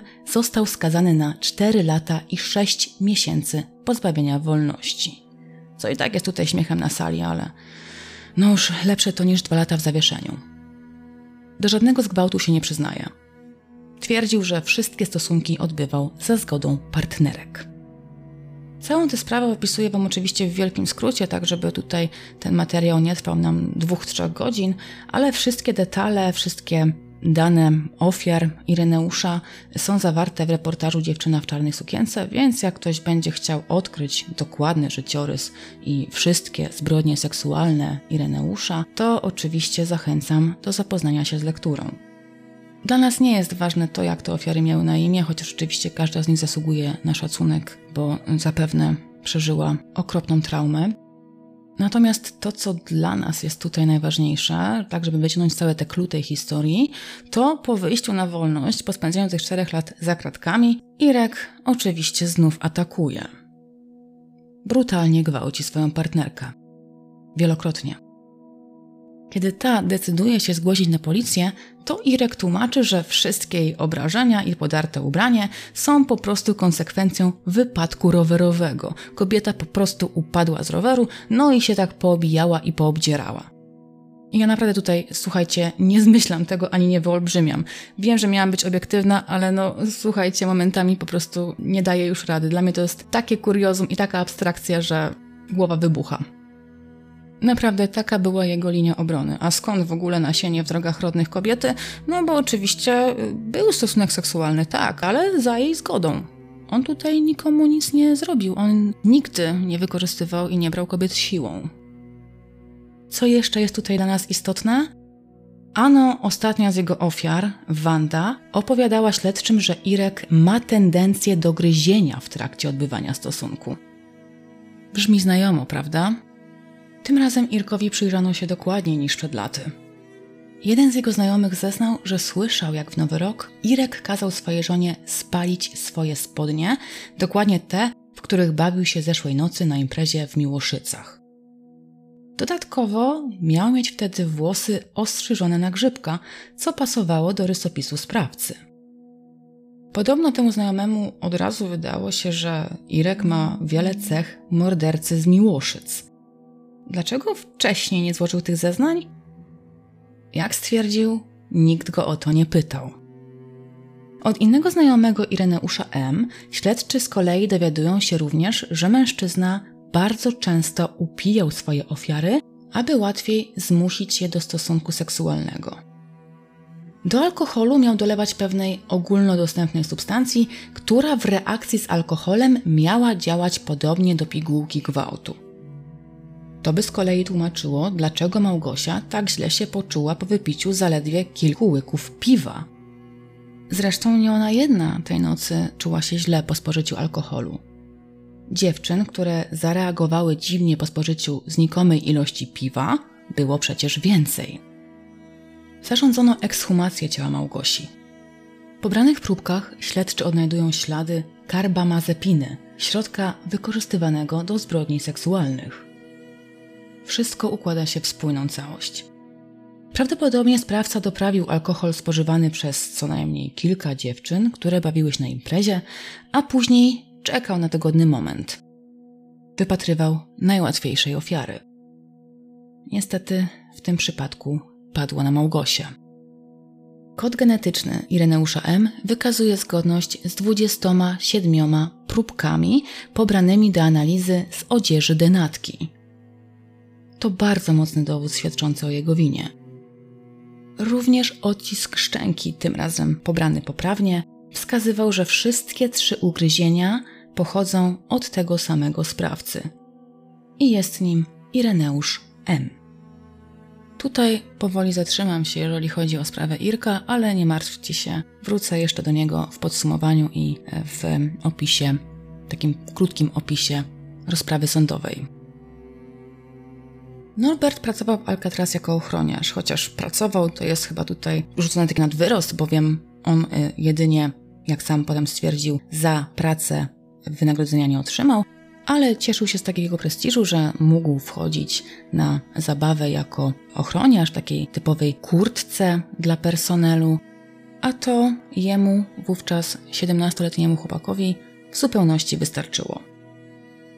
Początkowo nikt nie zwrócił na niego większej uwagi. Ani nie pasował rysopisem do sprawcy, ani nic nie wskazywało na to, by cokolwiek wiedział o tej sprawie. Do czasu. Po kilku miesiącach Norbert zaczyna sugerować, że w sprawę może być zamieszany policjant D, który mieszkał nieopodal miejsca zbrodni. Norbert podobno zaczął obawiać się o swoje bezpieczeństwo. Kilka razy został napadnięty. Był duszony i kopany przez mężczyzn, którzy, jak twierdzili, prowadzą śledztwo w sprawie zbrodni w Miłoszycach. Norbert nie miał pewności, czy mówią prawdę, bowiem sprawcy napadu byli wyjątkowo agresywni i co też tutaj Norbert podkreślał, bardzo mocno śmierdziało od nich alkoholem. Zaczął otrzymywać też telefony z pogróżkami. Kazano mu milczeć i trzymać się z dala od sprawy zbrodni miłoszyckiej. Twierdzono, że jeżeli mężczyzna będzie zeznawał, będzie kontaktował się z policją, to następnym razem może ucierpieć nie tylko on, ale również jego dziewczyna oraz najbliższa rodzina. Norbert ma dość zwraca się o pomoc do dziennikarki zajmującej się sprawą. Dlaczego akurat do niej? Twierdzi, że chce samodzielnie wymierzyć sprawiedliwość. Na organy ścigania nie może tutaj liczyć. W końcu jeden z policjantów może być w to morderstwo zamieszany. Zresztą podczas jednego z napadów już wezwał policję. I niczego tym nie uzyskał. Agresorów nawet nie wylegitymowano i od razu wypuszczono. Według Norberta to wszystkie te groźby, te zastraszenia wychodzą od zbirów, którzy zostali wynajęci przez wspomnianego policjanta oraz znanego w mieście biznesmena, niejakiego Eł. A może nawet przez samych policjantów, którzy prowadzą sprawę morderstwa Małgosi. Zarówno Eł, jak i wspomniany funkcjonariusz byli tego wieczora obecni na dyskotece. Norbert ich widział. Trzymali się razem. Pogróżki miał otrzymywać również Krzysztof oraz jedna z mieszkanek Miłoszyc. Kobieta również była przekonana, że w sprawę zamieszana jest policja oraz rodzina EU.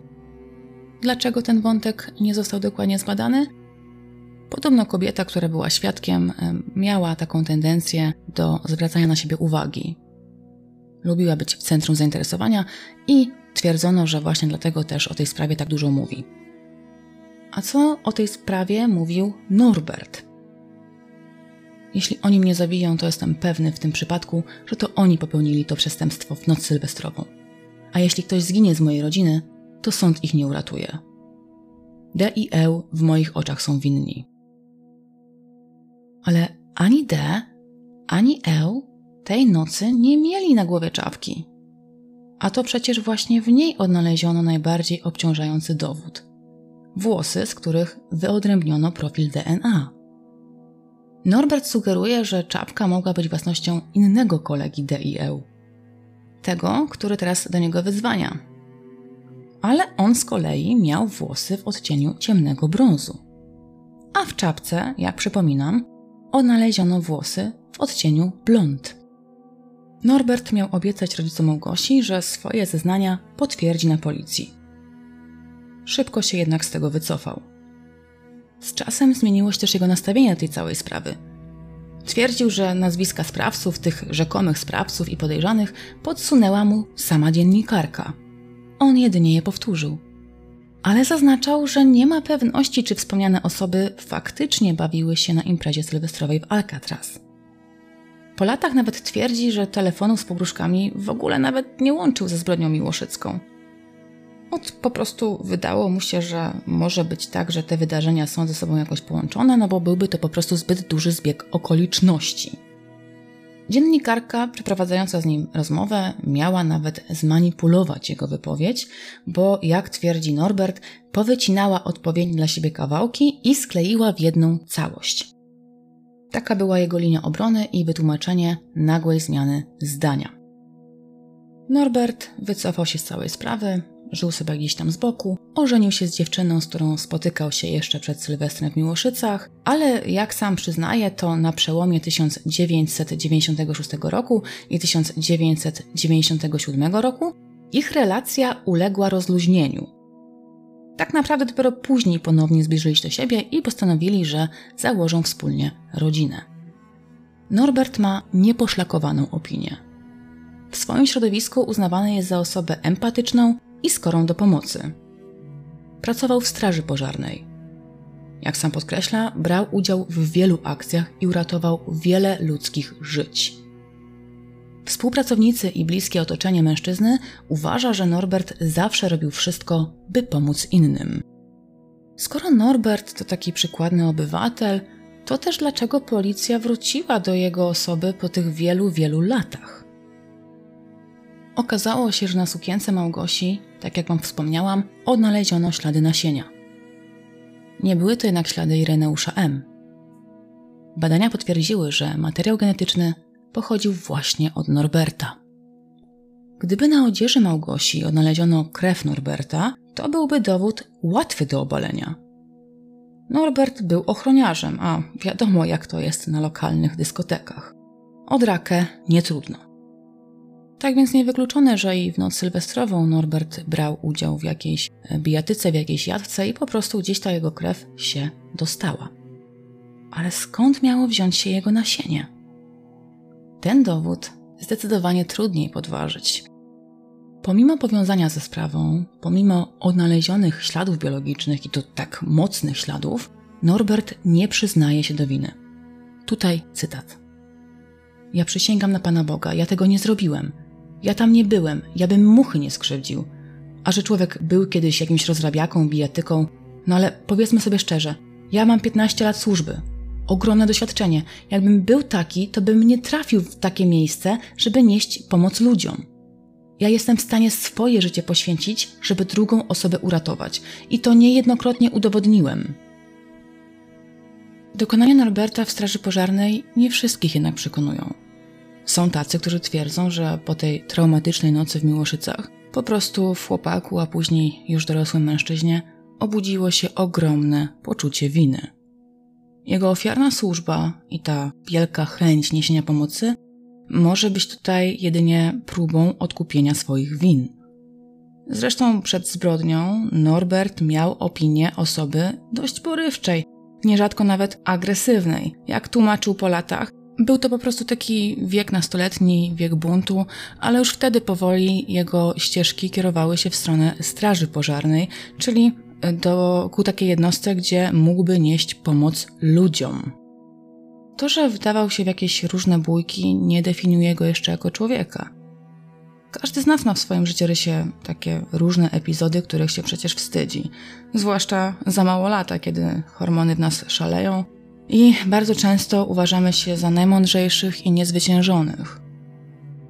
Opinie co do winy Norberta są bardzo podzielone. Według ludzi wierzących w jego winę, to Norbert w swoich zeznaniach starał się zapewnić sobie taką furtkę bezpieczeństwa. O co mi chodzi z tą furtką bezpieczeństwa? Tutaj chodziło o to, że w razie gdyby ktoś gdzieś go tam zobaczył, to żeby mógł wytłumaczyć, dlaczego był w danym miejscu.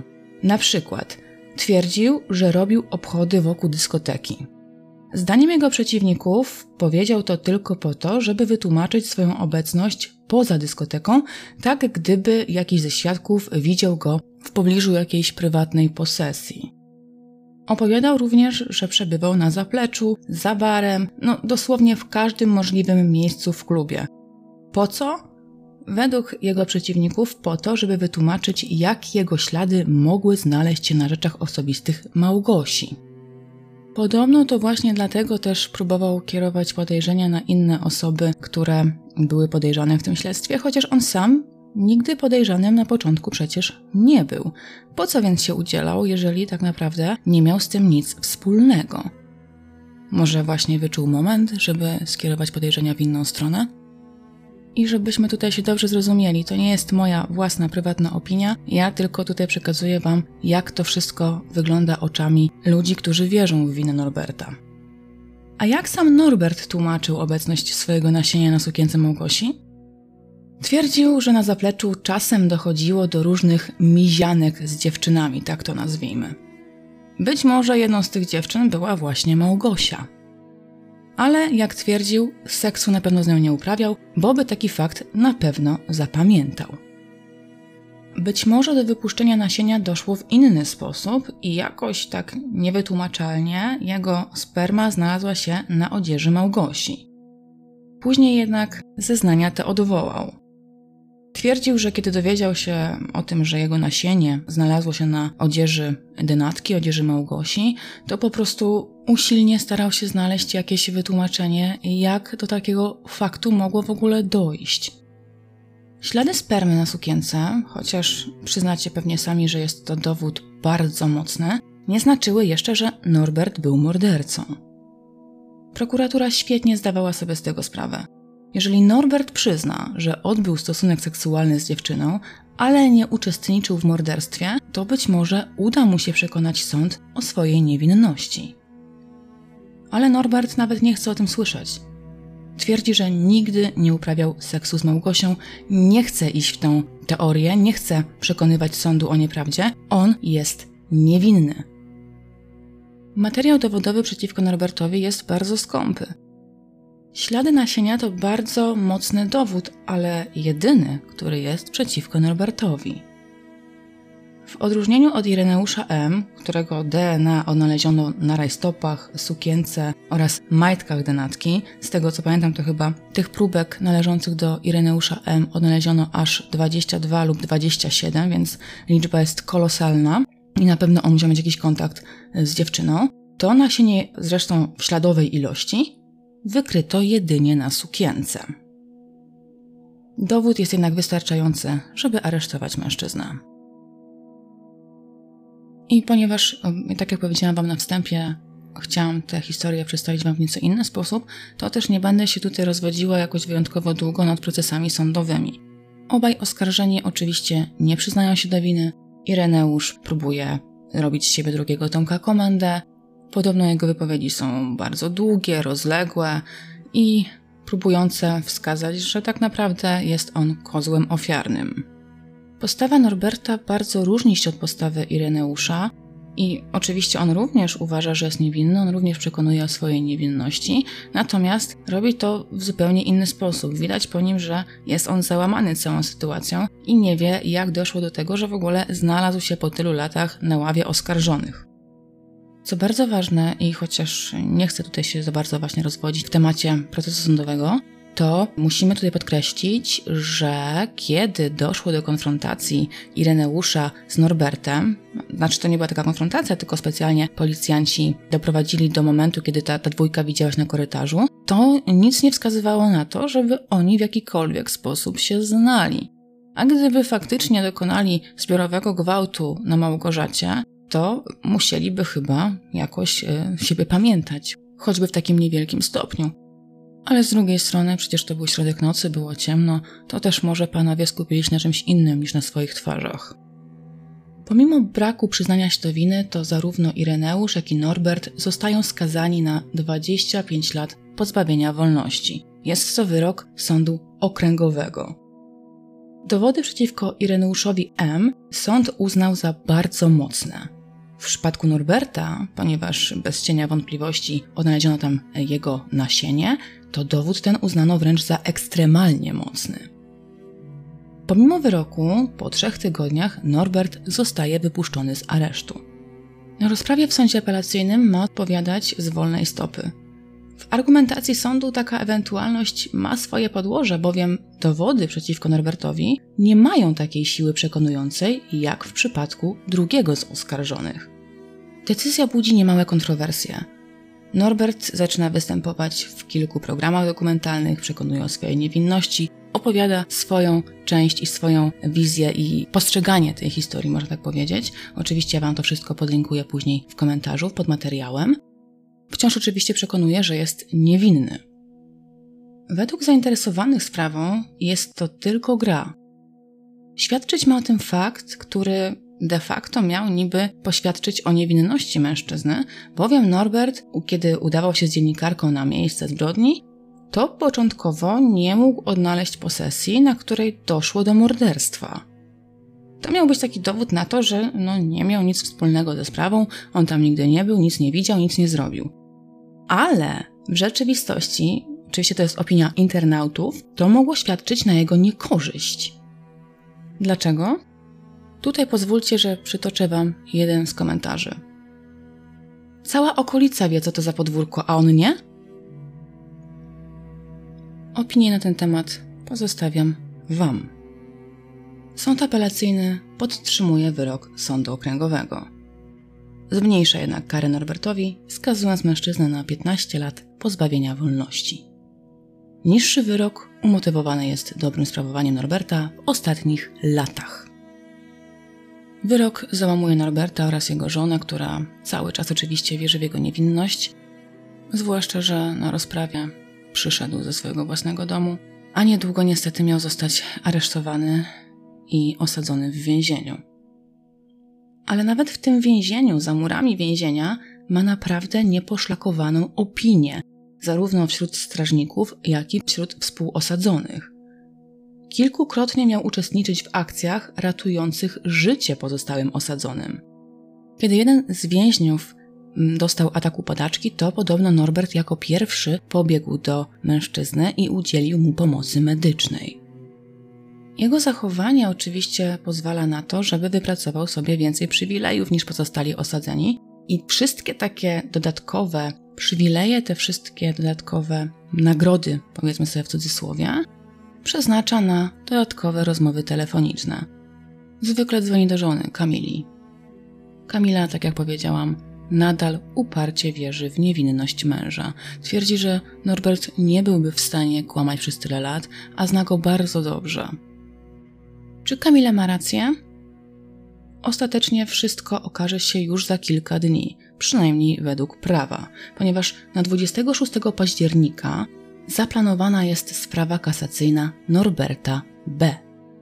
Oczywiście, jak tylko będę wiedziała coś w tej sprawie, coś więcej, to zamieszczę Wam może nie tyle materiał głosowy, ale na pewno gdzieś na grupie facebookowej oraz tutaj w karcie społeczności zamieszczę Wam aktualizację dotyczącą tej sprawy. Teraz możemy sobie przejść do takich niepotwierdzonych plotek, różnych pogłosek i tego, co się mówi w kręgu mieszkańców Miłoszyc. Z niepotwierdzonych plotek to Alcatraz miało słynąć z podrzucania odpowiednich substancji do alkoholu. Argumentem, który przemawiał na korzyść tej spekulacji, tej plotki, jest karbamazepina, która została wykryta w szczątkach Małgosi podczas ekshumacji. A przypominam, że ta ekshumacja została e, przeprowadzona już prawie albo ponad 20 lat po zbrodni. Jeżeli po takim upływie czasu nadal była obecna w szczątkach dziewczyny, to to musiała być naprawdę spora dawka. Żeby wykluczyć, że karbamazepina znalazła się w szczątkach Małgosi już po jej śmierci, czyli że dostała się do niej z gleby czy z ziemi, którą był przysypany grób, to eksperci przebadali również glebę z grobu Małgosi i tam śladów karbamazepiny nie było. Ale nawet jeżeli faktycznie dziewczynie został podany środek odurzający, to w dalszym ciągu nie ma pewności, kto też dziewczynie wrzucił te środki do alkoholu i czy faktycznie w dyskotece działała taka szajka, która miała podawać młodym dziewczynom środki narkotyczne. W jakim celu? To niestety chyba wiemy. Część mieszkańców nie jest do końca przekonana co do tego, czy na ławę oskarżonych trafiły faktyczne osoby, które miały związek z tą sprawą. I na pewno jest ktoś, kto zna prawdę, ale milczy. Co do samej tej historii, mam oczywiście własne przemyślenia, aczkolwiek zależało mi na tym, by w tym materiale pokazać Wam inną stronę tej sprawy niekoniecznie podać Wam odpowiedź na tacy, bo moim osobistym zdaniem takiej odpowiedzi niestety nie ma i chyba nie będzie, bo Małgosia zabrała swoją tajemnicę do grobu, ale żebyście mogli popatrzeć na to wszystko oczami osób, które były z tą sprawą związane. Oczywiście podejrzanych, jak i tropów było tutaj zdecydowanie więcej ale gdybym miała Wam opowiadać o wszystkich wątkach, wszystkich podejrzanych, wszystkich osobach, to chyba musiałabym założyć osobny kanał na YouTubie i zająć się tylko tą sprawą. Dużo jest podejrzeń w kierunku rodziny, która była właścicielami posesji, na której znaleziono ciało Małgosi. W domu bawiła się bowiem cała rodzina, rano wychodzono do kościoła, ktoś odśnieżał podobno podjazd i nikt w tym czasie nic nie słyszał, nic nie widział, a ciało Małgosi znaleziono dopiero po godzinie 13 ale o takich wszystkich detalach, spekulacjach, podejrzeniach, o wszystkich teoriach spiskowych, których jest naprawdę masa, możecie przeczytać w materiale Ewy Wilczyńskiej, Dziewczyna w czarnej sukience. Naprawdę polecam Wam zajrzeć do tego reportażu, bowiem zdecydowanie uzupełni on Waszą wiedzę w sprawie zbrodni miłoszyckiej, a Ewa przedstawia dużo więcej sylwetek podejrzanych, jak chociażby na przykład Paweł, który był bliskim znajomym Norberta, a tej krytycznej sylwestrowej nocy również pracował w charakterze ochroniarza w klubie czy też dyskotece Alcatraz. Ja osobiście intencjonalnie nie wspomniałam o tym w materiale, nie wspomniałam o postaci Pawła, przynajmniej nie za wiele, aby tutaj za bardzo wam nie mieszać w głowach, zwłaszcza, że oficjalnie chłopak został oczyszczony z zarzutów. Ale być może ktoś chciałby spojrzeć na to głębiej, przeanalizować sobie całą tę sprawę, dlatego macie taką możliwość sięgając właśnie po reportaż Ewy Wilczyńskiej. Mi zależało jedynie na tym, żeby przypomnieć Wam tę tragiczną historię 15-letniej dziewczyny, 15-letniej Małgosi, bo to, jaki dramat i jaką katorgę to dziecko, mówię dziecko, bo dziewczyna miała dopiero 15 lat, przeżyło w ostatnich godzinach swojego życia, to jest wręcz niewyobrażalne. Rzadko opracowuję dla Was sprawy, można powiedzieć, bardziej obecne, ale kiedy zaczęłam czytać o historii Małgosi, o tym, co jej się przytrafiło, to postanowiłam przygotować dla Was taki materiał bonusowy, żeby jej historia nigdy nie została zapomniana. Bo jak często w wywiadach podkreśla ojciec dziewczyny, to Małgosia jest najważniejsza. A my często to zapominamy i skupiamy się tutaj na sprawcach, na motywach, na dramacie bardzo młodej dziewczyny. Dobra, rozgadałam się za bardzo. Suma summarum, jeżeli chcielibyście przeanalizować tę sprawę dokładniej, to Ewa Wilczyńska naprawdę zrobiła to bardzo profesjonalnie, poruszyła bardzo wiele wątków. Książkę czyta się naprawdę szybko, a sama sprawa otwiera nam oczy na to, jak wielkie zło może spotkać człowieka. więc musimy być czujni na każdym kroku. Jestem ogromnie ciekawa, co wy myślicie o tej sprawie, co myślicie o sposobie, w którym wam ją przedstawiłam.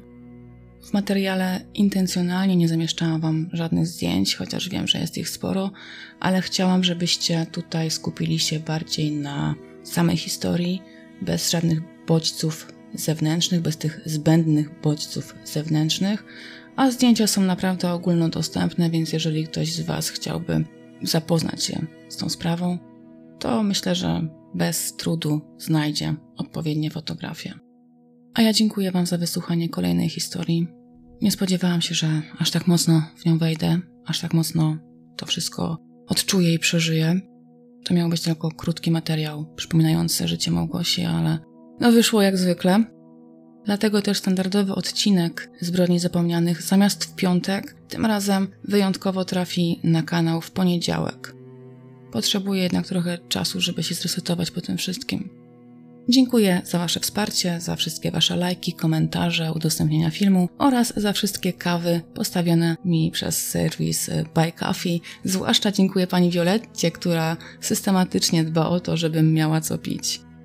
To jest naprawdę przemiłe widzieć, że pamiętacie o mnie, że doceniacie moją pracę, bo tak naprawdę, gdyby nie Wy, to mogłabym sobie pogadać do ściany. Więc jeszcze raz, jak zdarta płyta, powtarzam, że dziękuję Wam za Waszą obecność i mam nadzieję, że słyszymy się niebawem. Trzymajcie się ciepło.